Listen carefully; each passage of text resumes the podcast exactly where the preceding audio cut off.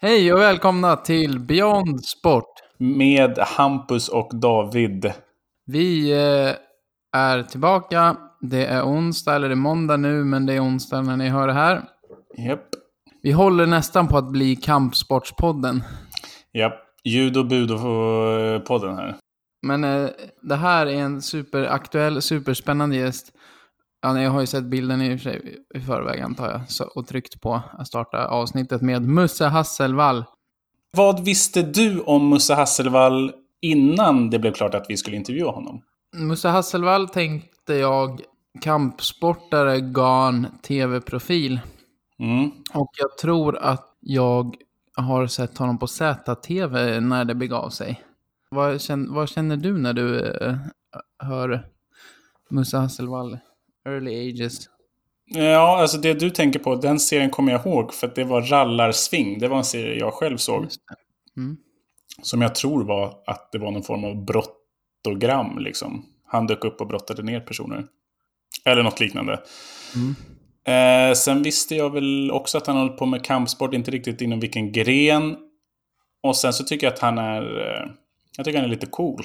Han har cool stil och lite egen. Han kändes, om jag får flika in där, Mm. som en hipster innan folk blev hipsters. Mm. Ver- Ja, verkligen. Eller? Mm. Gudfaderns eh, hipster kanske. Ja, kanske. Vad skulle du tillägga mer? Nej, men det var nog eh, bara det som jag visste. Mm. Nu vet vi ju mer och vi ska ta reda på. Vi har ju tusen frågor vi vill ställa honom. Ja, och det, det ska bli väldigt intressant att höra här vad Musse har att säga. Mm, verkligen. Med det sagt ska vi eh, bjuda in Musse. Det gör vi. Presentationen av Musse från David Krusell kommer här.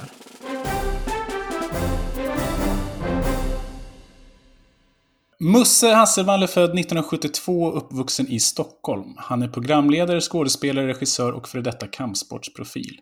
Han har varit med och skapat samt medverkat i två säsonger av SVTs serie PK-mannen. En serie som tar upp frågor som rör normer och fördomar. Musse är engagerad i många saker. Han har bland annat ett läsprojekt, han bär ett uppdrag som ledamot och i styrelsen för Budo och Kampsportsförbundet. Samt tidigare år så har han släppt sin nya bok som heter Sorgen. Smärta är vekhet som lämnar kroppen. Boken baseras på en serie inlägg i sociala medier som han började skriva kort efter att hans flickvän lämnat honom. Ett år tidigare hade hans pappa tagit sitt liv.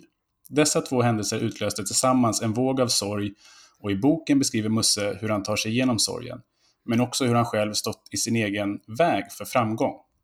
Bakom sig har herr Hasselvall fem SM-guld i jujutsu samt brons från både världs och Europamästerskap.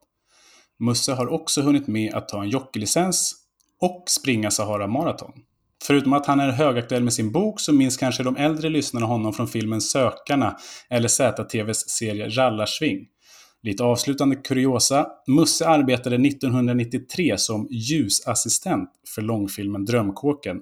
Med det sagt, välkommen till Beyond Sport, Per Mikael Karl Musse Hasselvall. Tack. Okej, ska jag börja rätta alla fel först eller? Gör gärna det. Gör det. Jag kallar mig först inte skådespelare. Eh, Nej. Jag, jag, jag, jag tycker alltså bara för att man har spelat i en film så är, tycker inte jag att man är skådespelare. Jag tänker att det är lite mer till det. Eh, Och sen så, vad, vad var det mer då? Alltså mina gamla kampsportsmeriter är ju väldigt gamla. Alltså, jag har ju gått sex MMA-proffsmatcher också. Mhm. Eh, men jag har ju inte kommit någon vart som är speciellt märkvärdigt. Men, men det var ganska tidigt i den, i den världen. Eh, vad, f- vad har jag mer ställt till med då? Det var någonting annat. Vad var det mer? Ja, det var någon mer grej där som var lite knas. Vi, jag är, är redo att gå loss. Om ni är. Yes.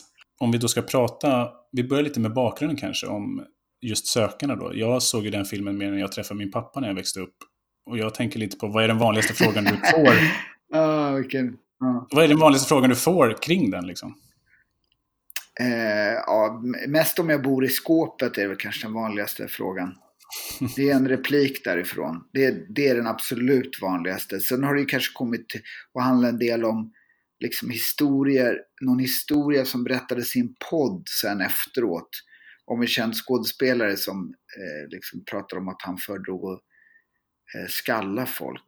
Eh, alltså det, det, det är lite, alltså det är lite så här sådana så här bakom anekdoter Mm, eh, som har dykt upp. Så det är kanske lite de frågorna oftast berör. Eh, och så är det väldigt många som frågar också vad Liam gör idag, vilket jag såklart inte har en aning om. Ja. Han är ju superreligiös. Jag, jag läste på lite om honom inför det här också. Ja, jo, jag har förstått att han har blivit det. Men eh, Ja. jag, menar, jag har sprungit in i honom sådär, men det var ganska länge sedan och jag har ingen liksom, relation till honom. Sådär, så, så jag vet Ja. väldigt lite om, om, om honom. Men mos, oftast är det ju liksom repliker från filmen. För det är som du beskriver det, som jag älskar den där beskrivningen av att du har, sett den med, du har träffat din pappa. Och han, han liksom, det, de flesta som har sett Sökaren och anledning har sett den alldeles för många gånger och slösat tid på den vidriga filmen. Och då är det ju väldigt mycket repliker där som är fantastiskt roliga. Mm. Hur kom det sig att du eh, gjorde den? Jag blev intjatad på eh, filmen kan man väl säga. Eh, för att jag blev, först fick jag frågan om jag ville, ville eh, casta för en roll där och så tackade jag nej och sa att jag gärna jobbade bakom kameran för det var min ambition då. Och, eh, och det eh, fick jag då till slut göra men så hittade de inte den här karaktären och så var de på mig flera gånger så till slut och mot slutet så castade de mig. Eh, och det var, ju, det var en historia för sig kan man väl säga, hela castingprocessen eftersom jag prompt skulle ha, vi skulle göra scenen när jag fick pistolen i mun, jag skulle få en pistol i munnen av skinnhuven eh, innan jag blev nedslängd från Katarina-hissen. Och eh, jag, jag tyckte det var så jävla obehagligt och hade liksom en jävligt oskön känsla och bara för några år sedan så hade de något så här 25-årsjubileum. Och jag hade ju, jag, jag blev ju osams med lite av grabbarna där för att jag vägrade ha den där pistolen i munnen på inspelningsdagen. Eh, så de tyckte att jag förstörde scenen lite grann. Men eh, nu när, jag, när vi stod där på scen då för, på 25-årsjubileum så frågade jag, jag liksom fick alltid en känsla av att det där var en riktig pistol och det var liksom anledningen till att jag inte ville ha det sen på, på, på inspelningen heller. Och då svarade Daniel, eh, regissören då, mycket roligt, han sa så här, vi hade bara riktiga pistoler. Mm. Det var Ja, hans, det är sjukt. det alltså. var hans enkla svar på den frågan. Men, men väldigt, väldigt, väldigt ärligt ändå kan jag säga. Han, han, eh, det, jag gillar att han kunde stå för det så här långt senare. Mm, alltså vi, eh, vi ställde några frågor på eh, vår Instagram om våra lyssnare hade någon speciell fråga. Och då sa jag specifikt att vi kommer inte fråga om du bor i skåpet eller om han är lugn, kommer vi inte heller fråga. Men en, en fråga var, var det riktigt kokain på inspelningen? Ja, inte som jag eh, eh, fick ta del eller såg. Eh, men eh, det, var liksom, viss, det var vissa inspelningsdagar som var väldigt eh, chokade eh, på olika Mm. sätt. Eh, men i, inte någonting som jag... Liksom, man, alltså jag, jag var liksom inte riktigt inbjuden i värmen på det sättet. Eh, så jag fick inte ta Och jag, jag undrar om jag kanske hade... Jag hade nog, i, jag hade nog slutat... Mm, jag drack väldigt lite och jag tror att är man en person som ofta tackar nej till alkohol då blir man inte heller erbjuden cola på toaletten. Nej, Om ni förstår vad jag menar. Alltså det, det brukar liksom gå ihop det där på något sätt. Men eh, får jag bara hoppa in då här? Du har ju beskrivit att din pappas drickande var ett sätt att nå eller se hans känslor på. Vad har du haft för förhållande till ditt egna drickande då, under ditt liv? Jag började väldigt sent dricka. Mm. Eh, alltså med, om jag jämför med, med Alltså det var väl i 16-årsåldern tror jag som jag började dricka. Jag hade väl druckit någon gång men, men om, man, om jag jämför med andra i den eh, i samma ålder så hade de flesta druckit flera år då. Eh, och eh, jag slutade dricka när jag var 20 och drack inte på 10 år. Och sen så började någon slags ganska lång process av att börja dricka igen. Så att jag, ja, jag har inte haft några alkoholproblem men jag har känt att jag inte eh, alltid har kommit överens med alkohol. Men, och när du säger att dricka så är det inte nödvändigtvis destruktivt drickande då, om något drickande i och för sig inte är destruktivt. Men Nej men jag, grejen är att det var någon gång i 20-årsåldern så eh, hade jag någon liksom praktfylla och så efter, dagen efter så kände jag att jag behövde väldigt, be många människor jag tyckte om om ursäkt. Eh, och då kände jag så här att eh, jag slutar och så la jag av på liksom bara eh, e- liksom efter den kvällen. Så var, var det tio år då som jag inte drack. Jag drack, jag brukade efter tre, fyra år började jag dricka en gång om året. Eh, mm. Så tog jag liksom en fylla för att bara påminna varför jag inte gjorde det. Och sen så blev det liksom att, men sen så att när man börjar dricka i 30-årsåldern liksom, då är det ganska, det är ganska, jag, skulle säga att det tog ungefär sju år där liksom inte drickandet bara blev att det handlade om fylla liksom. Så det var, jag, jag tyckte det var ganska svårt. Så de första sju åren drack jag inte speciellt mycket. Sen, sen började jag väl dricka liksom hyfsat, hyfsat normalt men då dricker jag ändå betydligt mindre än de flesta andra människor skulle jag vilja påstå.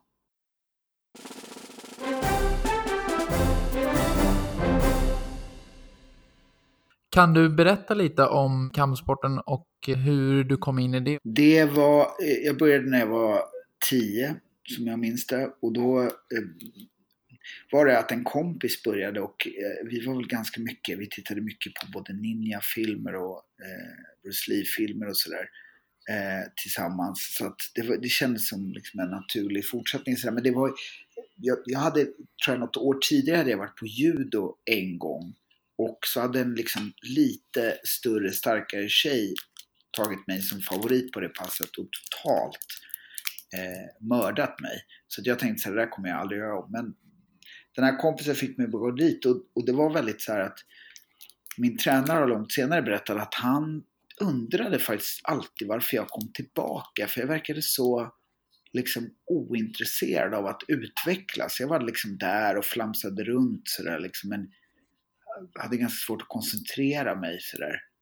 Men för mig var det, den första delen av mitt kampsportande handlade väldigt, väldigt mycket om att bara liksom förvara mig själv. Och det hade väldigt mycket om min relation till min pappa. Att jag, jag behövde någon paus från, från livet där hemma liksom. Och då, då var det skönt att vara där. Av någon anledning. Mm. Så att eh, jag skulle säga att det var, min första fas var liksom sådär lite jag skulle inte säga att det var ofrivilligt, men det var liksom, jag, hade inte var, jag sökte mig inte dit själv, utan det var liksom mer någon slags grupptryck och sen så fastnade jag där. Tyckte du om det, eller började du tycka om det till slut då, eller var det mer att oj, jag börjar bli bra, det här kanske jag ska liksom göra någonting av? Alltså jag tyckte nog om det ganska mycket från början. Alltså när jag, när jag väl hade kommit över den där chocken efter första judopasset eh, så var det nog så att jag, jag, tyckte, jag, tyckte, jag tyckte att det var roligt. Det var massa grejer som jag tyckte var spännande med det där att jag, att jag plötsligt blev bra, det kom som en total chock för mig. Det var ju liksom inte någon utveckling alls eh, som, som kom med tiden utan jag var liksom, jag började tävla jättetidigt och låg liksom säkert 20 kilo under liksom lägsta viktklassen. Nej, inte 20 men, men liksom 15 mm. i alla mm. fall. Så att jag, jag var ju liksom, jag var bara med och fick vara det och sen så 93 så fick så var, var det inför det, SM 93 då så hade jag, jobbade jag med Drömkåken då som ni nämnde i presentationen som ljusassistent och hade inte hunnit träna kanske på två månader. Och så var min tränare så men ska du inte åka upp och köra SM i alla fall? Och jag var så här, ah, jag, alltså jag vann ju aldrig, jag verkade liksom inte så intresserad av att vinna heller. Om jag ska vara helt ärlig. Så att jag åkte upp och så bara, du vet, alla som frågade sa att jag hade tränat jag har aldrig tränat så mycket under mitt liv. Jag var i otroligt bra form. Ljög om det hela vägen. Och sen så, sen så vann jag första matchen och det, det var liksom en av de få matcher jag hade vunnit och sen vann jag en till och sen så var jag plötsligt i final. Och så... Var det inte också då din tränare som sa åt dig att så här, men nöj dig inte med en andra plats nu eller så här, nöj dig inte med att du är i final? Exakt. Just för att du hade gjort det så ofta. Nej, precis. Och jag...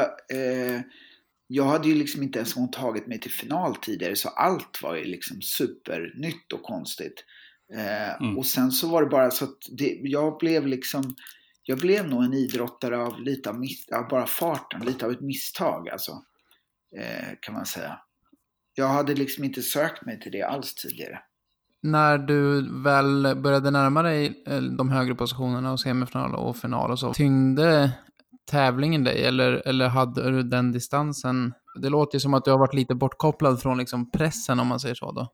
Ja, jag, jag, jag tror att det, det, var nog bara första året som jag var bortkopplad från pressen och sen så, eh, jag har alltid varit jättesvag mentalt.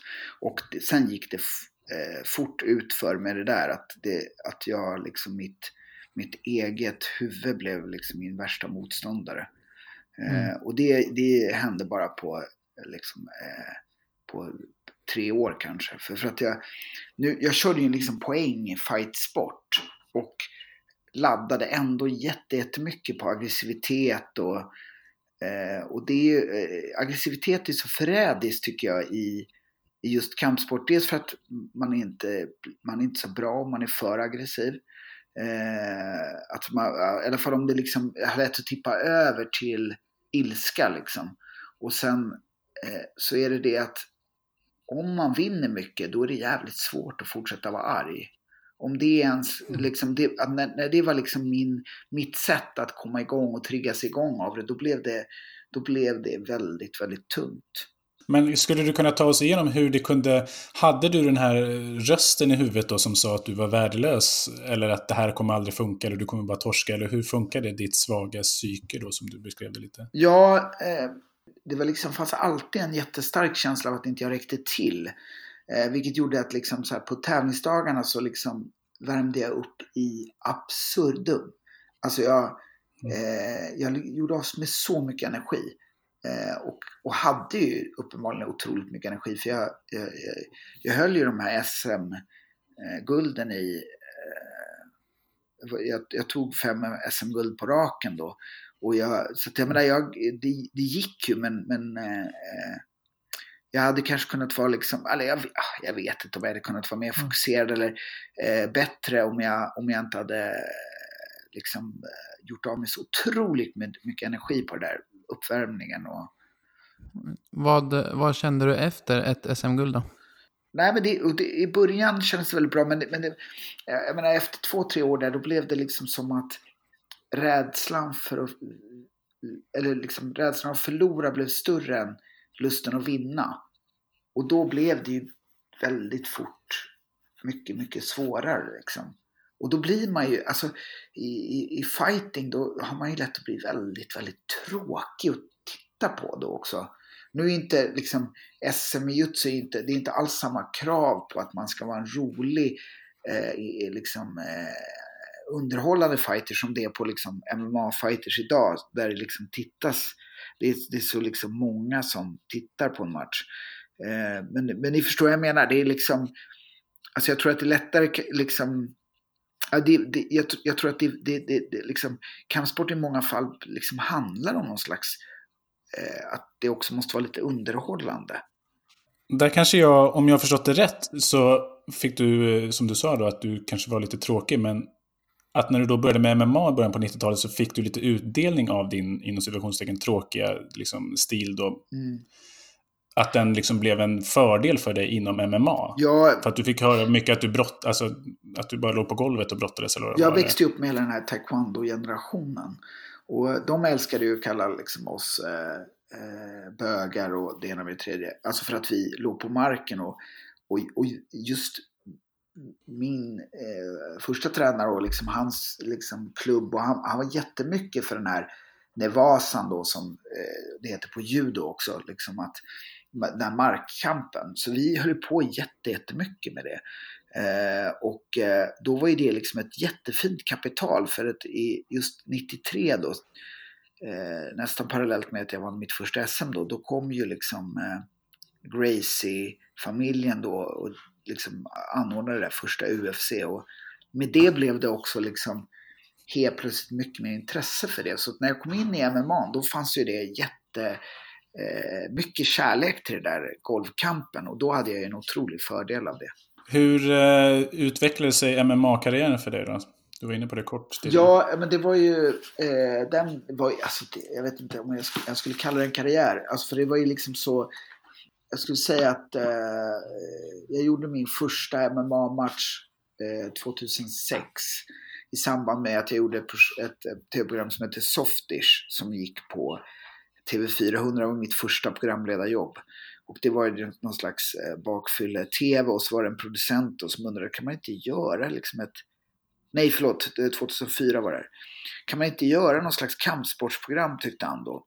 Han var och kollade på när jag tävlade lite i submission wrestling som är en typ av alltså, markbrottning med eh, lås och strypningar och sådär. Mm. Och då eh, också såg han min första MMA-match då Och då var han så här, kan man inte göra någonting av det här? Och då föreslog vi att vi skulle göra rallarsving då, som då 2005 blev av. Och då blev det liksom, då hände ju någonting eh, liksom med, eh, med liksom för MMA i Sverige och sådär för att folk fick liksom upp ögonen för det lite mer. Men så tog det några år till innan det blev så accepterat som det är idag såklart. Det tog ganska lång tid men, men det var ändå någonting som förändrades då tror jag med hur folk såg på, på kampsport kanske överlag men framförallt då MMA och fullkontaktsporterna. Vi hade Jycken Sedenblad förra veckan här som Härligt. pratade och då pratade vi just om det här med eh, att det tog en, liksom en bra stund innan det blev accepterat. Mm. Att det var mycket diskussioner kring huruvida det var en sport eller inte. Mm. var det någonting du fick stå till svars till att det här var liksom ja. kriminellt på något sätt? Eller? Ja, absolut. Alltså det finns ju den här eh, idén om att, att det är mer liksom, kriminella och våldsverkare i, i, i kampsporten än andra sporter såklart. Och den, det, är inte, det, finns, det är inte rök utan eld om man säger så. Det, fin, alltså, det, det har nog bitvis sett ut så också väldigt mycket. Eh, liksom folk har kommit från alla möjliga håll och hittat kampsport. Men, men eh, eh och jag, menar, men, men, och det, jag, jag, skulle säga att det finns ju ingen annan sport man generaliserar så kring som man gör med kampsporten. Eller jag vet inte om ni kan komma på någon. Nej, men det har ju en väldigt liksom, tydlig bild av folk som inte vet vad, vad sport är, eller liksom som inte är så insatta i idrottsvärlden generellt. Nej. Eh, och kanske kampsportsvärlden i synnerhet. Då. Nej, och jag tror att det var ju liksom, eh, jag, jag, tror att, eh, alltså för jag började köra liksom submission wrestling och eh, MMA eller shooto som hette på tiden, alltså tränare liksom ganska många år tidigare. Det var ju kanske inne, det var ju ganska långt innan det var 96 typ jag kom i kontakt med det första gången. Eh, så det var ganska långt innan liksom det blev Alltså eh, innan rallarsvingen, innan jag gick min första match. För det var svårt att eh, få matcher då, framförallt när man så, eh, vägde så lätt som jag. Så var det jättesvårt. Men, eh, men så, sen så, så tror jag liksom att det, fan, det, det har funnits något så ganska starkt motstånd mot kampsporter överlag i Sverige och någon slags kanske skenande moralpanik på något sätt. Eh, men, men som har kommit just av de här fördomarna att det är så mycket bråkstakar och kriminella. Men som sagt, jag önskar att vi pratar lite grann om vad det finns för andra människor i andra sporter som vi kan generalisera kring. För då tror jag att vi kanske skulle kunna göra mycket åt eh, liksom den kultur som finns i, i olika eh, sporter och i olika sammanhang. men eh, vi får se om vi kommer någon vart med det. Du har helt rätt i det, men jag känner också att som klimatet är idag så tycker jag att det är bara sen jag kom upp i, i ett A-lag för tio år sedan, kanske tolv år sedan, att det har förändrats hur liksom klimatet är och vad man pratar om och hur tonen är. Ja. Från det här lite mer kanske grabbiga och eh, inte så sofistikerade till att det, det, på något sätt finns en liten annan ton där än vad det gjorde för bara 10-15 år sedan. Det tror jag absolut. Sen tror jag, men tyvärr kanske på grund av eh, kampsporten så kommer det också, är vi lite på väg tillbaka tycker jag. För folk, det är liksom, trash talk-kulturen har ju liksom vuxit sig jättestark och är ju liksom super jag menar, som är en så stark del av kampsporten också. Och det är ju tråkigt för det, jag menar liksom det här med, liksom, den är den är ju ofta jättesexistisk, eh, ibland rasistisk, eh, eh många fall liksom också av eh, eh, islamofobisk och ja, eh, det finns många exempel på det tycker jag och det, det är tråkigt för jag tror att det ger liksom eh, Eh, många mer tillfälle att låta så. Men, men jag, ty jag, tycker ska man generalisera kring sporten då tycker jag man också ska titta på till exempel eh, lagsportare i Sverige eh, överlag skulle jag säga, men kanske fotboll i lite större utsträckning i andra sporter. Man skulle ju kunna säga att de kanske också är lite mer benägna att gruppvåldta än andra idrottare. Och det är inte för att jag tror att det finns mer grupp, eller våldtäktsmän inom fotboll till exempel. Men jag tror att det finns en kultur som har funnits där som kanske har skapat den dynamiken och de eh, eh, förutsättningarna. Det tyckte ni, det var lite obehagligt sagt kanske. Ja, men jag, tänkte, jag tänkte bara så här, var, var, var, kommer det ifrån? Jag har inte hört att det skulle finnas att det var mer utbrett just bland fotbollsspelare nej, än Nej, men jag skulle säga så här att när, när det turneras runt, om, om du tänker efter, om man liksom tänker på, på eh, rubriksättning och sådär, och eh, så har det ju funnits liksom eh, så händer det ju att lag är ute och turnerar och så festar de efteråt och så, och så blir det en gruppvåldtäkt eh, i samband med det. Det är ju inte, det är, det är liksom fler sådana rubriker än om man har hört andra idrottare eh, gruppvåldta, om man säger så. Och, då, och min poäng är då, min poäng är, eh, ett jättebra exempel är till exempel, för massa år sedan så kom det upp en skandal där de hade haft en, eh, eh en rit i, för nya spelare eh, för att komma in i laget. Eh, jag minns inte vilket lag det var, kommer ni ihåg den? Jag tror att det är AIK om den galge som ska in här snart. Ja, exakt. Det är en galge som ska in där. Alltså det är ett exempel på, liksom, menar jag, liksom, när man eh, med någon slags lite så här, i någon kamratlig anda eh, tar saker eh, så långt att det blir väldigt fel. Ja, jag, jag, jag, förstår precis vad du menar. Men, och det är just det där, den delen som jag tror i alla fall, eller hoppas kanske, är på väg att, att försvinna och att det inte riktigt ser ut så längre inom lagidrotter, men att det gjorde det för 10-15 år sedan. Mm. Jag tänker också att det finns liksom en, en eh, att eh, när man också, det finns också liksom en, liksom tradition av att så här, föra män ihop. Eh, eh, liksom, så, och då har en tendens att bli liksom jävligt hårt. Men jag, jag, hoppas att du har rätt i det. Men, men, men, men, men jag menar bara att man kan generalisera på de här sätten kring andra sporter. Men det, det finns liksom inte alls de... Det händer inte lika ofta som man pratar om kampsportare på ett sätt.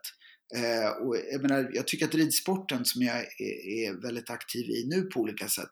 Där skulle man ju verkligen behöva prata om liksom pedofiler och eh, gubbslem och flickjägare. Eh, för att det är också en sak som har kommit fram väldigt många fall av på, på, eh, på senare år, men även i liksom friidrotten och eh, gymnastiken. Så att jag, jag, om, om ni förstår vad jag menar, att vi, jag, jag, tror att man kan, man kan nog sitta en del mönster. Sen tror jag inte man kan liksom dra och säga liksom att, eh, det finns, det, att kampsportare är, är mer kriminella, men det, det, det har ju funnits någon, en tradition av att att kriminella lockats till en ny kampsport. När, när judon kom på 60-talet då pratade man om judon som en gangsterkampsport.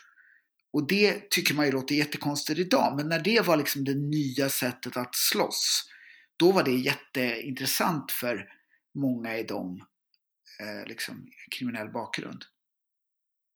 Jag, jag kan nog tänka mig att, i alla fall med killar, om jag ser till mig själv, att när, när jag var ung och idag jobbar i skola så kan jag se att killar i grupp blir betydligt mer aggressiva och mer lutande åt det hållet där det händer sån skit där man ska spela liksom Allan Ballan eller vara häftig snarare än om de är ensamma.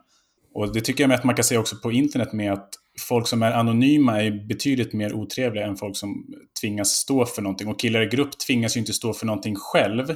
Och då är det lättare att vara på ett annat sätt, upplever jag att det kan vara. Men det där tycker jag är intressant, att du pratar om just det här med liksom, eh, när du nämner just här hur det ser ut på liksom, sociala medier och kommentatorsfält och sådär. Så tycker jag att det är också intressant mm. för att eh, jag tycker att så här, framförallt i min generation, jag är ju snart 50, då, då liksom pratar man mycket om att liksom, att ungdomar har, har liksom, eller jag menar att det liksom finns en yngre generation som tar sig sådana friheter. Men, men samtidigt, jag tror att, jag tror att det där handlar liksom inte alls började på nätet om jag ska vara helt ärlig. Jag tror att absolut att det finns den här känslan av att man är anonym. Eh, men, men jag mm. tror att den grejen började ju liksom med en, tyvärr en tv-kultur som eh, som, eh, som, som liksom Robinson när man gjorde eh, mobbnings-tv första gången i Sverige i alla fall. Och sen hur liksom det har utvecklats med realityserier och eh, liksom till, till, till hur det ser ut idag med Idol när vuxna människor sitter och är jätteelaka mot eh, unga människor. Och jag tror att eh, jag, jag tror inte att liksom det där det där tonläget det har liksom höjts genom åren. Jag tror att det, det är liksom lite förenklat att bara skylla det på att det är en generation som tror att de är gömda bakom datorer. Förstår du vad jag menar? Mm. Nej, jag, jag, tror att det är absolut fler saker. Jag, jag tycker mig kunna se att eh, det som du säger också stämmer, att det blir en hårdare ton just för att man vill ha klick mm. eller man vill ha likes eller man vill ha ditten och datten. Men jag tror också att det har att göra med att jag tycker mig se, och det är min enskilda, att, att det är många fler som curlas på något sätt idag än vad det var för 20 år sedan. Mm. Att man skyddas i någon form av bubbla och då när man väl får höra att man inte är fantastisk och du kan bli vad som helst, då blir det någon form av kränkning ja. nästan. Snarare än att någon är ärlig och säger att men du, Musse, du kommer inte kunna spela NBA. Nej. Det kommer inte hända. Liksom. Nej. Nej, det där har jag hört, har jag hört också. Att man, man, man hör mycket att liksom det där med att den här idén om att alla ska få med och lite den där föreningslivstanken. Eh, mm. är det, hör man ju många liksom, idrottare på olika sätt klaga på. Så eh, det håller jag med om att man säger. Men, men jag tror att det kanske är också så att, att eh, det kanske är oviktigt om man kommer till liksom någon, någon stor liga som du nämner. Eh, men, för mm. det kanske är just den här grejen att, att om du i alla fall satsar på det en stund, även om det är omöjligt, så kanske du blir en duktig idrottare i något annat. För det är någonting man har sett på, eh, på forskning här på senare år. Att, eh, att de flesta som blir världsmästare har gjort, eh, har hållit på många olika sporter. Eh, och mm. valt mm. hyfsat sent. Det är vanligare än att folk blir liksom eh, tidigt börjar med en grej och så håller de på med det hela livet. Och det tror jag är supersunt. Ja, men det, jag vet inte, jag bara, jag bara menar att jag vet inte om det kan sitta ihop på det där sånt sätt att det kanske är lite mer curlat idag men det kanske också på sikt leder till något annat. Att folk får kanske tro att de ska till NBA och sen så får de bara misslyckas själva och då kanske göra något annat. Jag vet inte. Ja, nej, men jag, jag, tror att det är hundra grejer som spelar in och det kanske bara är de som skriker högst som hörs ja. mest.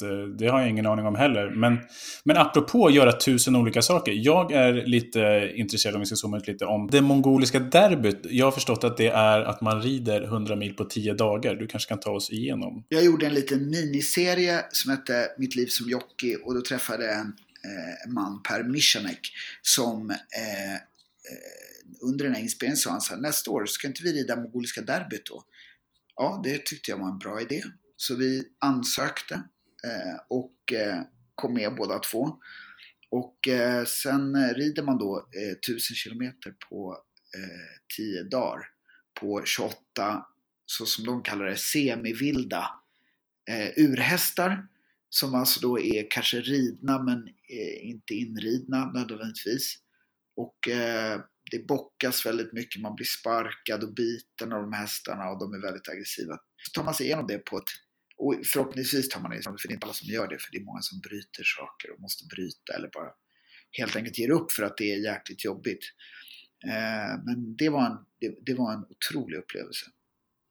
Hur eh, lång tid per dag ungefär eh, rider man då? Man rider från 7 till 8.30 Eh, på kvällen. Så att man rider sju på morgonen då, då eh, försöker man ju bara komma ut så fort det bara går.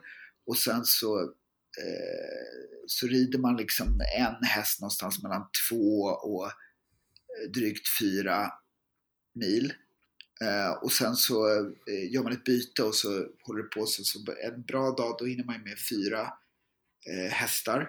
Eh, och sen en, en dålig dag då blir det inte mycket ridet alls. Då ligger man på marken och jagar hästar. Och...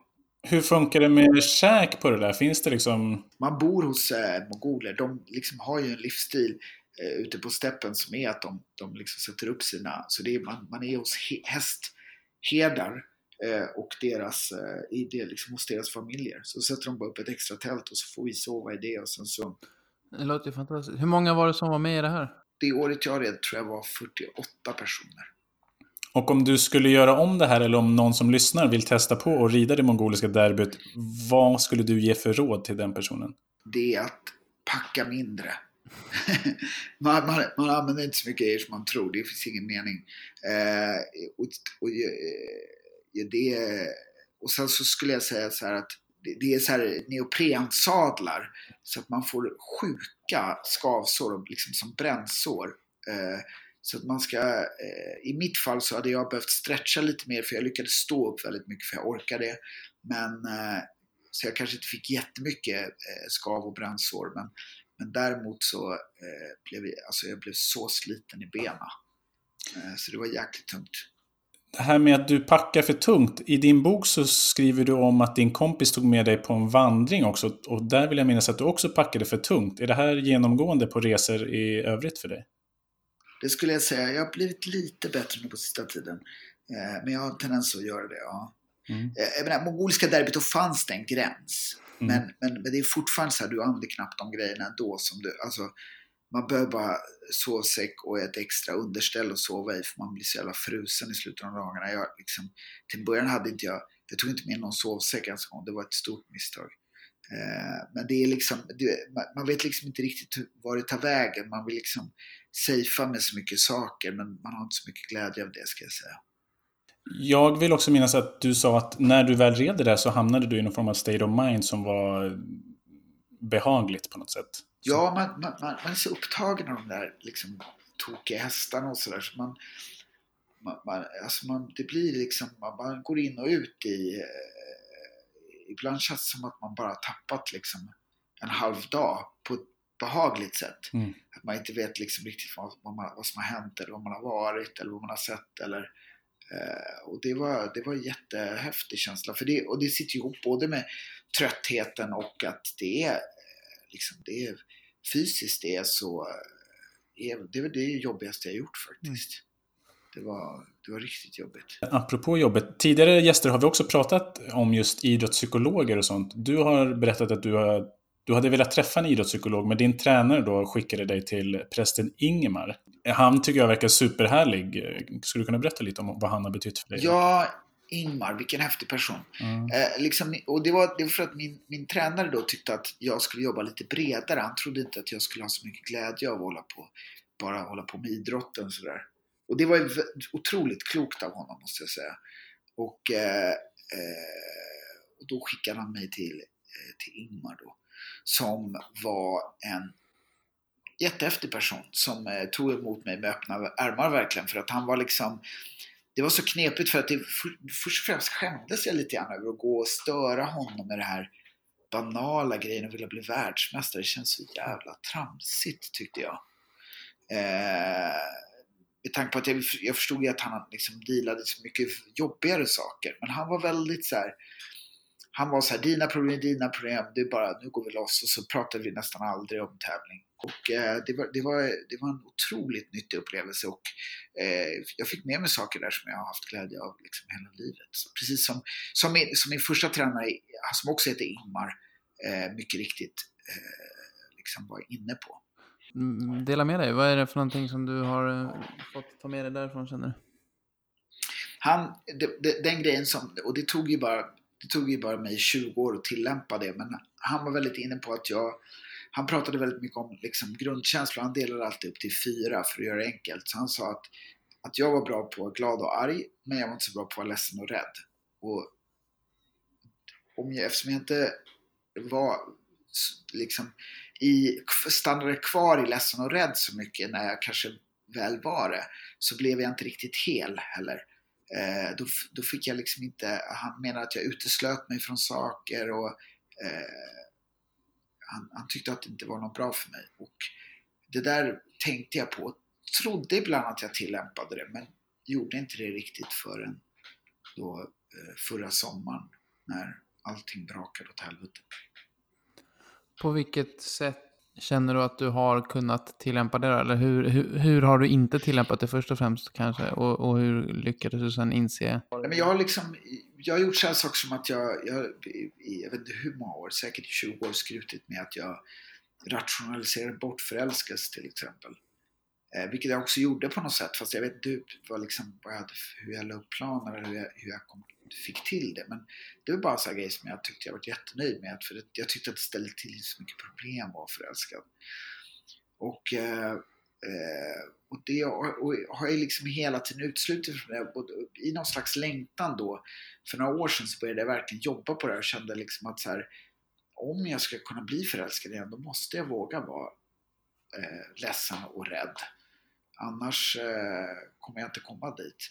Och då tog jag mig till det och sen så fick jag vara förälskad i typ 8-9 månader och så tog det slut. Och eh, då var jag liksom, var jag redan i den här sårbarheten och då fick jag liksom massa utrymme att bara vara kvar i det och tampas med det. Men det var liksom en väldigt, väldigt viktig process för mig tror jag. Och någonting jag verkligen behövde göra. Det låter ju inte superhärligt då att första gången du faktiskt tillåter dig själv att vara öppen och eh, Sårbar. ja, sårbar. Ja, precis. Eh, att du då får den smällen också. Nej, men, men, men jag tänkte på nyss, jag vet inte vem det var som sa det, men det sa så här, ja men eh, apropå att göra mycket saker. Eh, och liksom det har alltid, det har varit väldigt mitt, mycket mitt, min, mitt självmedicinerande kan man säga. Har handlat om att just göra jättemycket saker. Att, att eh, liksom jobba jättemycket och eh, träna jättemycket och ha många relationer. Alltså det har varit mitt sätt att undvika att vara sårbar. Mm. Att hela tiden liksom öka insatsen.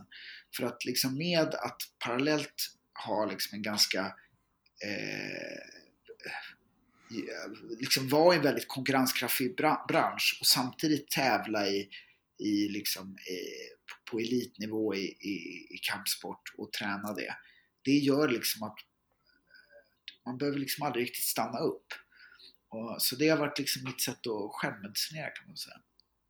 Men ett sätt att, eh, liksom, att hålla sig borta från det, att, att inte bli sårad, är ju också att aldrig gå in i någonting till hundra, tänker jag mig. Exakt. Och jag, jag har många gånger tänkt så här att, att så här, fan, det, här året, jag, jag, jag, jag, jag, jag skulle kunna leva på de pengar jag har nu, jag skulle kunna satsa helt på MMA och bara gå för att försöka det, få göra en match i Japan, för det var min dröm liksom länge. Mm. Och så, men jag, alltså jag kunde inte det, det gick inte alltså. För att jag, och jag tror att det, det, det hade blivit för, alltså, alltså eh, ja, som det kanske är att åka till Frankrike och satsa 100% på handbollen, att det blir liksom, det blir så mycket press på det då. Att det blir läskigt. Att du ger eh, det chansen att misslyckas helt enkelt. Ja, men det har, det, många gånger har varit en tröst att jag liksom Ja, jag, alltså jag kanske inte kan bli världsmästare men jag, jag, ska få göra en jätterolig Mm. kortfilm. Ja, Typ. Och så, ja, du vet. Mm. Så har man växlat mellan de här grejerna och det, det är liksom men det, har- det har varit liksom, och när jag inte vet att, när det bara känns jobbigt, då har jag bara tagit på mig en grej till eller bara liksom ökat tempot. Eh, och så har det liksom känts bra igen. Och jag tror att det är också, är man bra på att vara glad och arg, då är, man blir väldigt sällan ifrågasatt. Alltså eh, när man är liksom ledsen eller rädd, det är så mycket låg energi i det så då kommer folk kanske eh, du vet, ifrågasätta en på ett annat sätt. Men ledsen och, eh, eller vad säger jag, glad och arg, det är liksom, det är lätt att komma undan med det. Mm.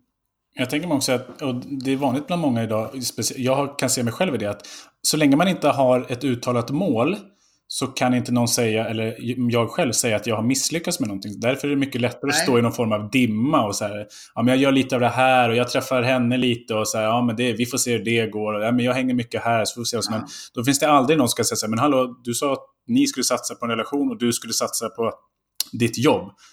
Då är det ingen som kan peka på att det gått åt helvete med någonting om man står i den dimman liksom. Det var en perfekt beskrivning av mig och då blir man ju också en sån här jävligt obehaglig undvikande person att vara i relation med. Mm. Eh, som är liksom alltid lite så här. Det är ingenting är riktigt uttalat. Att det var liksom lättare att ha många relationer Mm. istället för att ha en relation. För jag var så jävla rädd för att vara i en relation. Ja, jag kan, jag kan känna igen mig supermycket det. Också just hur, hur jag flängde omkring i alla mina vänner. Jag hade jättemycket, eller har, har en massa olika vän, bekantskap. Som jag, liksom, jag var en joker i alla andras liv. Och kunde se hur deras liv flyttade ihop med någon, de skaffade barn tillsammans. Medan jag fortfarande var den här jokern som bara valsade omkring och var härlig och dansade upp och berättade om vad som har hänt i mitt liv. Fast det enda jag kanske ville var att ha det de hade. Liksom. En Ja. trygghet, fast Hur kom du fram till det? för att jag levde i någon form av tro om att, att jag... Folk, när jag kom hem till folk, då ville folk veta så, men vad har hänt med dig nu? Så, men vem träffar du nu? Och så, vad, vad har du gjort? Så, att, att jag blev en frisk fläkt i allas liv. Medan Ah. jag dök upp för att vilja, så här, jag märkte då att shit, jag kom ju hit för att jag vill ha deras vardag. Jag vill ju ha det här, käka middag ihop. Ah, just det. Oj, det, där känner jag, det där känner jag igen mig otroligt mycket otroligt mycket. Mm. Alltså det där att man, man, är, man umgås jättemycket med par. Mm. För att då är man liksom, man är rolig för dem. Mm. Men, och så får man en liten pargrej. Och Man får vara med lite i det livet, ja. Ja, Mm. Man slipper ta någon risk själv med att bli sårad. Man får smaka lite på det livet bara. jag håller, det där känner jag igen mig jättemycket i. Det var Mm. väldigt fint beskrivet.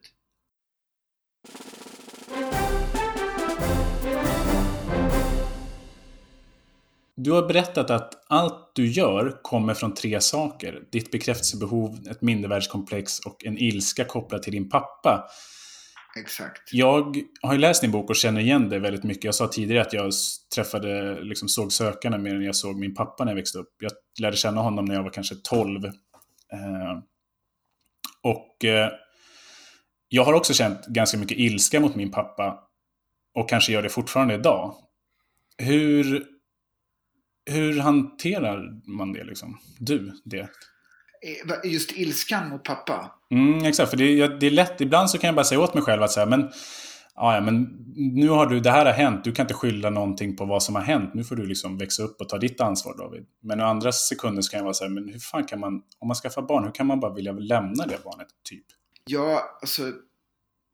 Min pappa var ju där men inte närvarande. Så det var ju liksom en annan sort. Mm. Eh, Men det, eller ja, eller det är samma kanske. Mm. Men jag, vet, alltså jag, jag, jag har liksom inget riktigt svar på det. För det, jag tror att det är liksom det, hela den här boken jag skrivit nu och det, liksom det handlar om. Att jag, jag är inget något, jag, jag är liksom inte, jag är ett bra dåligt exempel. Eh, Jag har liksom inte, jag sitter inte på några svar. Jag, det liksom, mitt grej har ju varit att jag har lagt den energin och den ilskan på att göra saker och det har varit jättebra ju, för det har ju tagit mig runt jorden och eh, jag har fått göra jättemycket roliga projekt, jag har fått jobba med fantastiskt roliga eh, saker och med fantastiskt roliga människor eh, på massa olika platser. Så att jag, det har ju varit eh, eh, bra på ett sätt. Eh, sen eh, kan jag kanske önska att jag hade kunnat förstå det tidigare och kanske hade kunnat vara lite snällare mot mig själv, tror jag. Eh, både liksom eh, fysiskt utifrån att liksom, jag, jag menar som jag beskrev förut att jag liksom i, i kampsporten drevs jag väldigt mycket av liksom någon slags smärta skulle vara något bevis på att jag gjort så mycket som jag bara kunde. Eh, och det, var, det har ju liksom inte varit så nyttigt för min kropp kan man väl säga. Och, och liksom jobbmässigt att jag har liksom alltid legat i och sen som sagt så har jag ju till slut uteslutit mig från saker som jag egentligen har längtat efter. Och eh, jag, jag, vet inte, jag vet inte, jag har inget bra svar på hur man ska göra det men jag, jag tror att, eller jo, jo, eh, jag har en bra grej. Lära, lära känna sig själv. Att det man, det, alltså vad är det man, jag tror att alla människor som är eh, mer eller mindre framgångsrika, de drivs nästan alltid av någonting som de inte riktigt kan stå för. För att det är sorgligt och kanske lite patetiskt. Alltså att, att drivas av så här sjukligt bekräftelsebehov i kampsport till exempel är ju skitfjantigt. Även om man förstår att alla gör det så, så ska man absolut inte säga det. Eh, och att liksom mindervärdeskomplex är också superpatetiskt. Eh, och liksom det med att man är arg på sin farsa eh, liksom för saker som hände när han var åtta är ju liksom också hopplöst på något sätt. Och jag tror att de där grejerna, att, att deala med de grejerna, att så, ta reda på vad, vad som egentligen driver en, det kan göra allting mindre obehagligt. Mm. Jag själv har, har väl också funderat lite på vad, vad jag drivs av. Och jag tror att det har med bekräftelsebehov att göra också. Till stora delar och vilja vara bra, men, men liksom jag har inte riktigt tagit reda på eller förstått varför. Men vad, finns det någonting, tror du, som eh, elitidrottare gör eh, som, som drivs av någonting annat? Ja, alltså, jag, jag, jag, alltså jag kan inte låta bli att resonera så här utifrån människor jag har mött i alla fall. Så tänker jag att de som, som känner så här att ja, jag vill bli världsmästare bara för mig själv, för att jag vill bevisa för mig själv. De är nog i regel liksom autistiska, tänker jag. Mm. Och, det, och om det funkar, då är väl det skithärligt. Om, man- om, man, om man kan liksom förlita sig på, och då, då tror jag att om det inte vore för att det ofta, autism oftast kommer med någon typ av social problematik eh, så skulle de säkert komma oftare. Skulle vi se fler autistiska människor vara jättestora inom allt möjligt. Men problemet är att du nästan alltid behöver någon typ av social kompetens också, tror jag, för att ta sig fram. Men, men jag menar, jag, jag tror absolut att man kan gilla saker och eh, eh, vad ska jag säga, alltså eh, drivas, alltså det kan ju vara, det kan vara en positiv upplevelse tror jag, även om det kommer från negativa saker. Mm. Jag önskar bara att jag hade kunnat vara lite snällare mot mig själv. Alltså jag, ju, jag fick operera nacken för några år sedan för att, för att de sa att jag skulle kanske bli förlamad i vänsterarmen och det är ju för att jag tränat superkorkat. Alltså jag har kört så dumt. Alltså sparrat liksom så här 6-7 dagar på raken. Du vet, i, alltså, I långa perioder så skippade jag uppvärmning och uppbyggnadsträning har jag aldrig hållit på med. Jag har aldrig hållit på med rörelseträning eller stretching. Min kropp är helt förstörd. Och, jag, och ärligt talat, jag ångrar inte det. Men jag tror att om jag inte hade drivit så hårt av de här trasiga sakerna, då kanske jag inte hade behövt göra det så våldsamt mot mig själv. Förstår ni vad jag menar? Mm. Mm. Du pratade en del om att du var, att du var lat i din, i din bok om din träning och det. Alltså, hade det gått att påverka dig på något sätt att inte vara det för att du skulle må bättre idag, tänker jag mig? Eller hade, hade det liksom inte gått?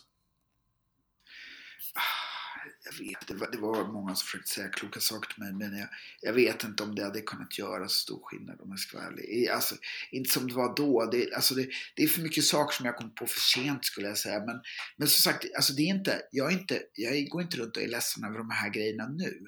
Eh, liksom att, eh, alltså, att min kropp är liksom paj och sådär men jag vet inte hur eh, Alltså, jag önskar ju att jag inte blir förlamad bara.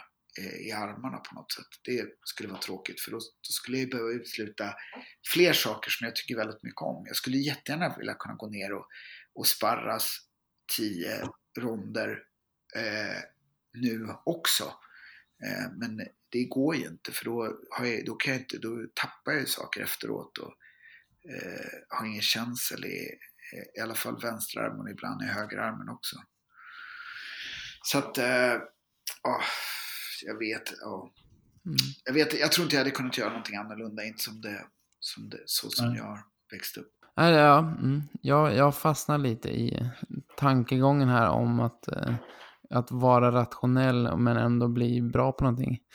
Ja. Eh, jag vet inte vart jag ska ta vägen med det, om vi behöver ta det vidare här, men det, det var ett fantastiskt sätt att se på det. Ja, Nej, men jag tror, alltså, eh, jag, det är bara så sällan jag har träffat människor som, som eh, verkar bara helt liksom, sunda i sitt driv. Mm. Att det liksom, jag menar, sen, sen kan man ju vara på en plats där det funkar och är bra. Eh, men, men jag tror att det är, liksom, det är ju den där grejen att någonstans där eh, du vet, har vi fått någonting som gör att vi... Alltså varför ska man utsätta sig för det annars? Man kan ju ha ett jättebra drägligt liv med kärlek och allting utan att tortera sin kropp samtidigt. Och Förstår du vad jag menar? Eller? Ja, men jag, det, det som jag eh, tänker på, liksom att alternativet till det här, att det här som du säger, att det går att vara lycklig och eh, ha kärlek och ha ett, ett, bra liv utan att liksom uträtta någonting på en hög nivå eller att lyckas med någonting. Det är väl, känns det också som att samhället är ju uppbyggt på att man ska hela tiden med, med kapitalismen och allt vad det innebär. Att man ska vara i framkant och man ska göra grejer. Ja. Och, och, det är svårt utan det. Jo, alltså absolut. Vi sitter nog fast, jag, jag håller med dig. Vi, vi sitter ju fast i fler saker än bara liksom en, en, en eh, tuff barndom eller vad det nu kan vara som har fått oss på okant med oss själva. Men, men eh,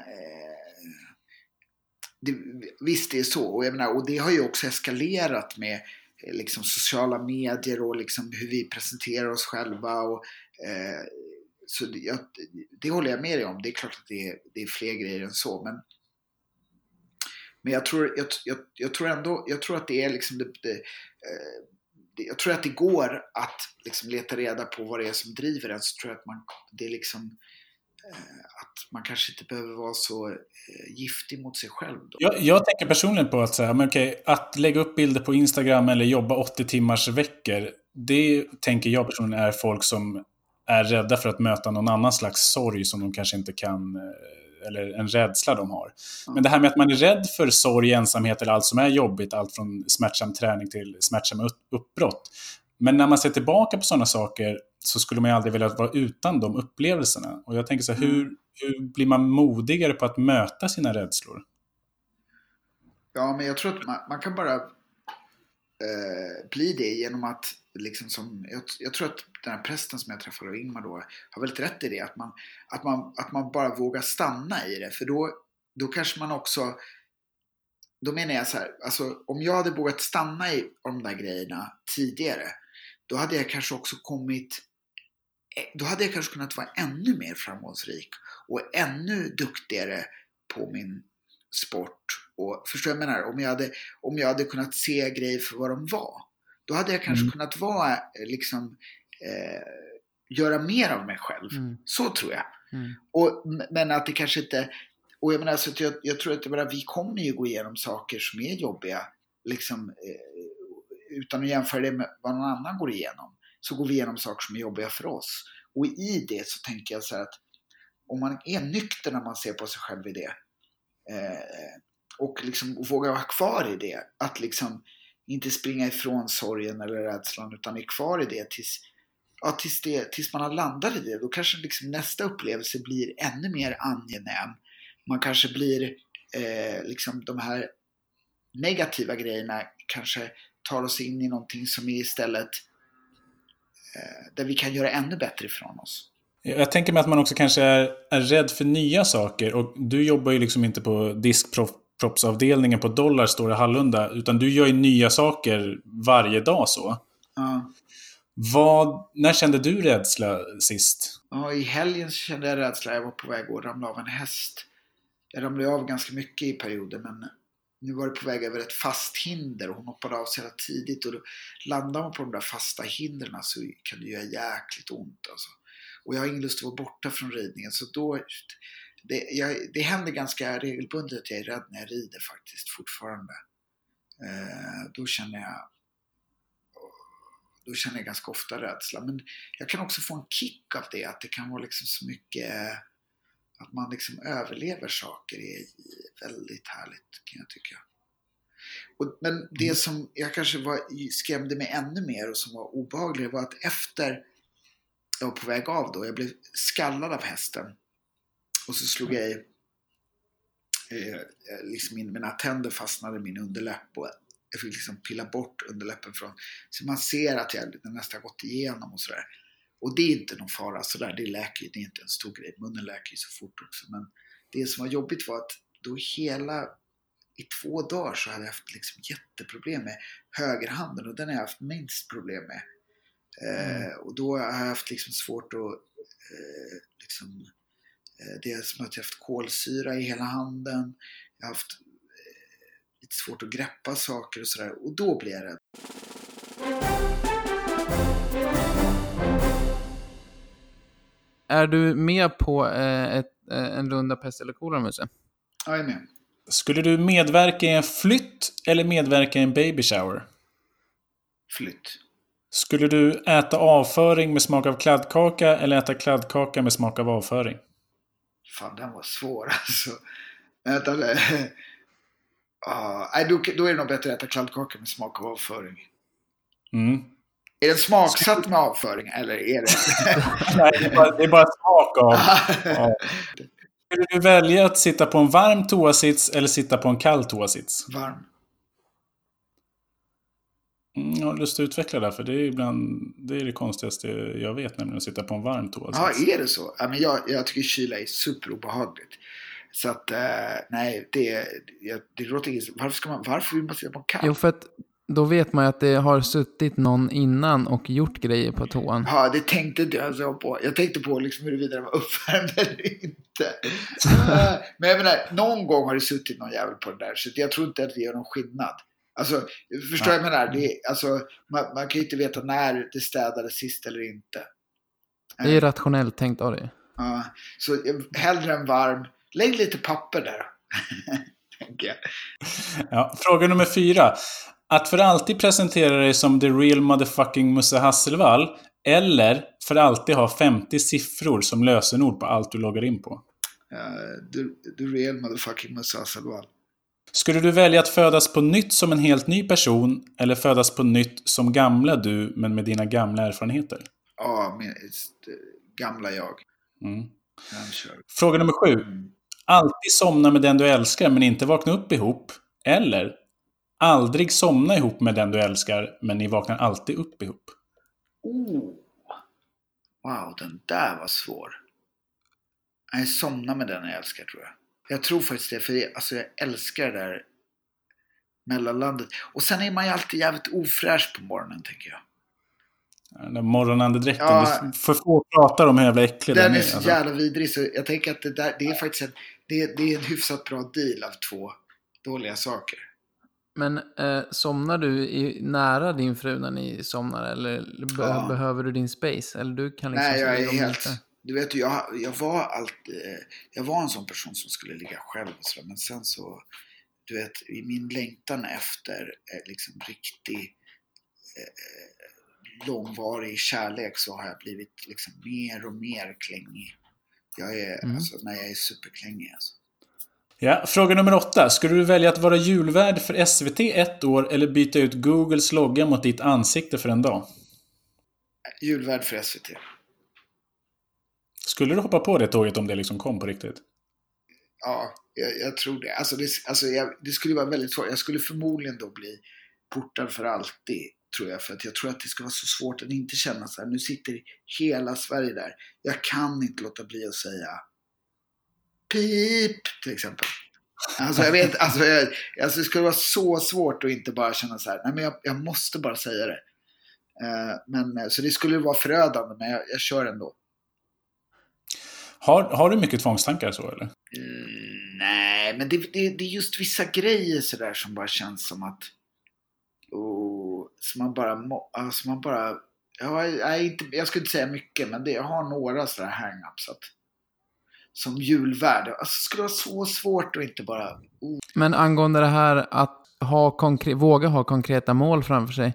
Har du något sånt mål inom tv-världen eller något sånt framför dig just nu som... Just nu har jag, eh, eh, jag håller på med en bok till som jag redan hade eh, påbörjat.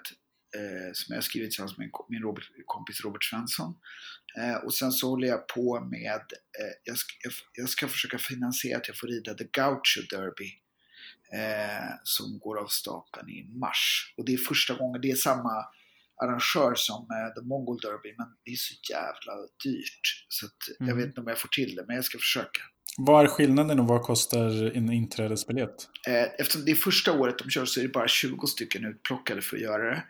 Eh, och det är ju roligt att få ha testgrupp och säkert vidrigt mm. också.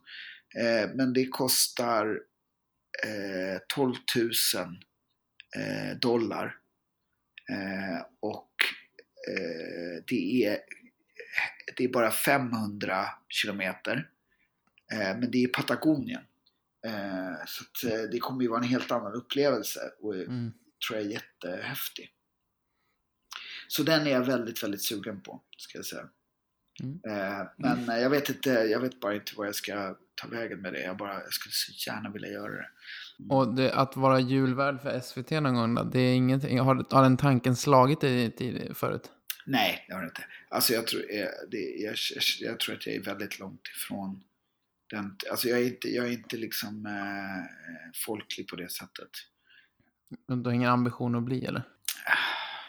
Nej, alltså jag vet inte. Jag, jag, jag, jag, jag, jag är jättelyckligt lottad. Folk är så snälla mot mig. När du blir riktigt folklig, då blir du också, tror jag, mycket mer, mycket mer hatad också allt blir liksom större och starkare. Mm. Och jag tycker att jag, jag, jag, blir väldigt, väldigt ofta bemött otroligt, med otroligt mycket vänlighet och respekt. Så att jag är, jag, jag, jag kan nog köra på det här och vara, vara lite sådär, flyga lite under radarn.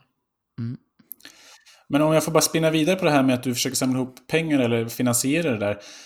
och vi försöker pinpointa dig som person. Hur skulle du ställa dig till om ett spelbolag sa du Musse, har du lust att göra en reklamfilm för oss så får du 122 000. Vet du- så kan du bjuda din fru på middag också. Jag har redan tackat nej till spelbolagsgrejer. Varför det då? Eh, för att jag bara, jag vet inte, jag tror inte vi behöver det mer alltså. Uff, det skulle vara, alltså vet du, det skulle vara skitsvårt. När jag gjorde den här serien för eh, galoppserien, då var det för ATG. Eh, och vi Mm. pratade inte om spel i den serien. Vi, vi, det var ett avsnitt så gjorde vi av de här avsnitten. Men jag vet, jag, jag känner liksom att jag, jag försöker eh, undvika den där eh, spelbolagsgrejen och eh, kosttillskott. För att jag tycker inte att det liksom är riktigt eh, pålitligt. Och jag, eftersom, jag, eftersom jag tycker så jävla mycket om att få göra saker på Utbildningsradion så försöker jag att inte göra så mycket sponsrade saker överhuvudtaget. Mm. Eh, för att jag, jag vet att det är liksom känsligt att göra för mycket sådana saker. Så jag, jag, lite nu och då så gör jag någonting men det, jag försöker låta bli faktiskt. Jag, jag tror inte att jag kommer bli så mycket lyckligare då. Jag, jag, alltså det var skitobehagligt att du sa det där, för att det, det, det känns jättesvårt för mig till just den här gaucho-grejen och inte tacka nej eh, till pengar för den. För det kommer vara omöjligt att finansiera tror jag. Men eh, Mm. de skulle säkert, ja jag vet inte, Uff, fan att du sa det där. Det är. Vi hop- vi hoppar vidare. Den sista frågan är, skulle du putta omkull en pensionärs rullator eller slå glassen ur en åttaårig flickas hand? Slå glassen ur handen. Du skiter i små tjejer alltså. wow, det här fick du till. Eh, din jävla, din jävla backstab. Det är du som har hittat på det här. Bara för att kunna sätta dit dig. Ja, exakt. Nej, men alltså, nej, men alltså eh, jag tänker så här. Putta omkull en, eh, en, en kvinna med rullator, då tänker jag att hon kanske dör. Jag tänker att alltså, Mm. det kanske blir traumatiskt om en jävla gubbe. Men, men då kommer i alla fall någon kunna säga sådana där äckliga gubbar som slår ut glassar. eh, Ska passa för, det är riktiga svin. Det kanske är en bra läxa lärd. Mm. Du, gillar du eh, mat, Musse? Väldigt mycket. Om du hade suttit på Death Row i USA och haft en eh, sista måltid framför dig, som du får välja helt själv, vad skulle det ha varit då? Eh, då hade jag nog bett få laga den själv. Alltså. Vad hade du lagat då? Uff, jag vet inte var jag skulle börjat då. Alltså.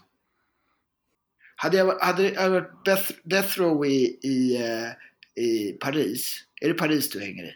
Eh, nej, jag är nere i eh, San Rafael heter det. I Frankrike då hade jag kanske frågat efter Verrevol. Jag vet inte hur jag uttalar det, men det, var, det tyckte jag väldigt mycket om. Vad är det för något? De hade, Vad är det? var, det, var, det är någon vinbar i Paris. Ja, Okej. Jag uttalar det säkert helt fel. Där hade jag nog bett att få mat ifrån då. Vad käkade du där? Jag var på väg på en hästresa och käkade faktiskt häst. Den var jävligt god. Men det passade sig ändå på något konstigt sätt. Hur ställer sig hästfolk till att äta häst generellt? I regel inte tror jag. Men eh, till exempel Per Michanek som jag red mongoliska derbyt med. När vi planerade, han är veterinär, så när han, eh, när han, eh, han tar alltid vara på köttet när han tar, eh, när, liksom när de Mm. avlivar djur. Om han får eh, så gör han det. Och, eh, och då käkade vi, vi käkade faktiskt kött, hästkött flera gånger när vi förberedde mongoliska derbyt. Men det, jag, jag tycker att det är ett bra kött också. Jag försöker äta mindre kött överlag. Eh, för att jag har, haft, jag, jag har verkligen varit en så här grov köttätare. Men, och det går faktiskt bra. Jag tycker inte alls att det är så speciellt svårt. Men jag, jag skulle behöva minska lite till tycker jag. För att knyta an till eh, spelbolag och att man kan ta beslut om man har råd att ta dem. Jag har en tjejkompis som hon blev erbjuden av en veterinär att, att liksom betala halva priset för att avliva sin häst eh, mot att han fick ta köttet. Ja. Jag vet inte hur kutym det är eller hur vanligt det är att man gör så, men Jag har ingen aning. Det är det är, jag tycker att det, det, är väl, det är väl fint om man kan göra så. Det är väl bara... eh, Jag, alltså, eller ja, och tror man kanske, hon kanske tror att liksom, den kommer leva vidare i något efterliv. Då är det kanske tråkigt. Men eh, om man inte tror det, varför inte? Då tycker jag att det är bättre att det äts. Vad svarade hon då? Ja, precis. Det är faktiskt väldigt intressant. eh, nej, jag tror inte att hon gjorde det. Nej. Vill jag minnas. Det är ändå också lite, det är ändå skönt när man har sån idé om att man inte vill att ens polare ska bli Men Jag tänker mig också, ja, men det är också lätt att göra så om man har råd, tänker jag mig. Ja. Alltså, Ja, har man inte råd så... har du inte råd att pröjsa hyran, då tror jag att du tar ett eh, Betsson-reklamgig. Liksom. Ja, jag tror, du, tyvärr har du nog helt rätt till. Men så du är inte här för att ragga sponsorer nu till din resa? Nej, nej, förlåt, förlåt, förlåt. Klipp bort det där, klipp bort det där. Tyvärr är det så. Jag, alltså, jag, skulle, alltså, jag, jag, alltså, jag, jag har ju tackat nej förut, så jag, jag ska fortsätta hålla mig till det. För jag tycker att det där är jävligt problematiskt. Jag tänker att det inte det är inte, det är inte för så mycket bra saker. Jag tycker att det är tråkigt. Vill man vara en del av det verkligen? Jag tänker mig för de som inte vet det, och- så du har ju blivit utsedd till Sveriges bäst klädda man Ja, 2013, eller? fjort... Ja, det kanske var 13. Du kan ha rätt.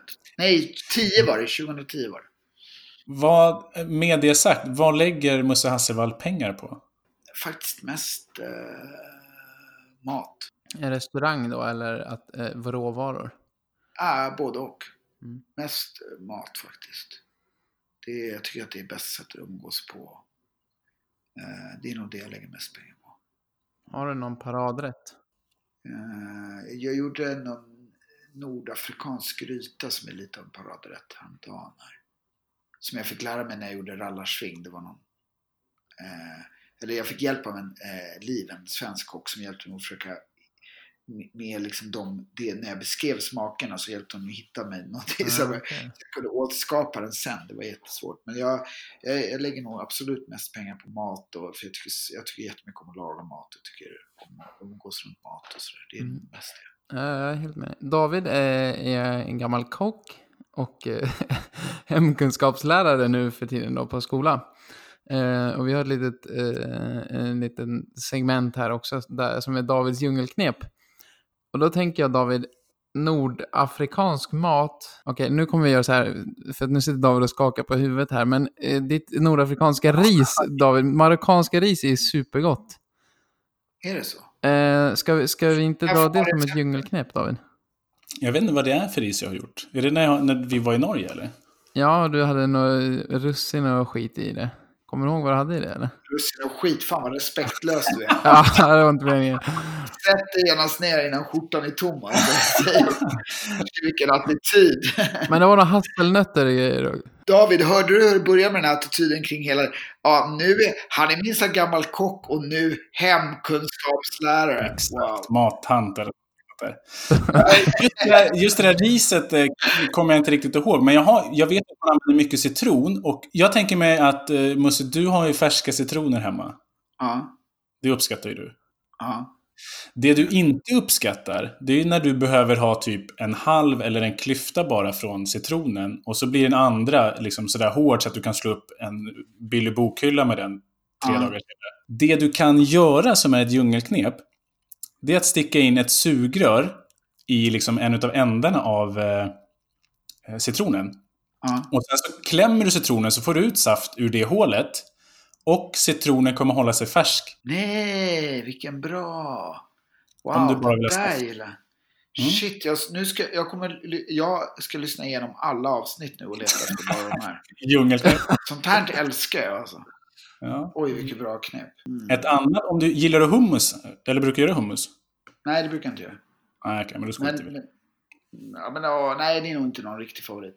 Men Mm. eh, ja, fan vilket bra knep. Den gillar jag. Mm. Ja, Det var faktiskt jättebra. Men hur fan får man dit det där sugröret? Det håller jag på att tänka på nu. Är det inte bara att kötta in det eller? Ja, men vadå köttar min? Alltså antingen, det finns ju de som är i stålsugrör också, men det finns Ja. också hårda plastsugrör som, eh, Ah, som går att penetrera. ah, wow. Så det här är ingenting för eh, Greta papperssugrörsfansen. Nej, okej inte. jag ska prova. Men apropå att få ut juice så har vi en annan stående fråga och eh, den rör huruvida du tycker det är okej att kissa i allmän dusch eller inte. Nej, det är inte okej, men det händer nog att det har nog hänt att jag har gjort det. men det är inte okej. Alltså om du, Stenan och Sasha står och duschar ner på klubben, kissas det hej vilt då eller är det så här? eh, Nej, nej, nej, det gör det absolut inte. Pitch på gå Nej, men ingen gör det. Det skulle bli, alltså, nej, nej, du vet, med Sasha och Senan, det blir kaos om det man gör något sånt. Inte, alltså, de, verkar, de kanske verkar så värsta klåparna, men alltså, sådana där grejer håller man inte på med. Alltså. Inte ostraffat. Vad roligt att du tog upp dem jävla dårar. Jag tycker Senan verkar så jävla... Jag vet inte om sympatisk är rätt ord, men han verkar vara en härlig människa att ha i sitt liv. Vet du, du ska Mm. ge er tips. Ja. Gör en intervju med honom om hans proffsboxningskarriär i Las Vegas. Ja. Fan, alltså han är så rolig att lyssna på. Och så rolig att göra med. Alltså, det, alltså Ja. ni kommer... Det, ni kommer Det här alltså, är inte dumt. Nej, alltså det kommer, vara ett, det kommer bli ett så roligt avsnitt. Och så här, värm upp han ordentligt så han blir riktigt dum i huvudet för då blir han så rolig. Kommer han, han kommer härma gamla tränare, alltså dra igång honom. Alltså. ja, men jag har ju Så sett, roligt. och det är också ett tips till alla som lyssnar, att se PK-mannen på UR Play, tror jag att det heter. Där just Senan är med. Han är med som sidekick säsong två och sen så är han med på något avsnitt eller två avsnitt eh, i säsong ett. Eh, Superserie och jättesevärt och Senan och du är ju en bra kombo alltså. Ja, men alltså, han, eh, alltså grejen är att han är så jävla begåvad på att härma folk. Så att Mm. eh, om ni får igång honom då kommer han vara, det kommer vara värsta, alltså ni kommer ha så roligt. Alltså man, jag skrattar så mycket med honom alltså. Ja, men det tycker jag verkligen vi ska ta. Ja, då får vi hugga honom. Vi, sk- vi skriver till varandra ska till att ni får nummer och sådär. Ja, fan vad bussigt. Jag tänker mig att vi börjar närma oss eh, slutet här. Mus. Det jag kan lägga till bara är, och, alltså jag har precis läst din bok. Jag tyckte att den verkligen, och det säger jag inte nu bara, den var verkligen superbra. Och den var, jag kände igen mig på jättemycket olika saker och eh, ja, jag rekommenderar den verkligen. Och jag är glad att du skrev den. Tack så jättemycket. Jag blir eh, jätteglad att du eh, tar upp det. För jag, jag, är, jag är så glad att jag har fått göra det där också. Det har varit så jävla nyttigt. Tack Mm. som fan. Tack för att jag fick vara med. Ja, tack. Ja, tack så jättemycket för att eh, du var med.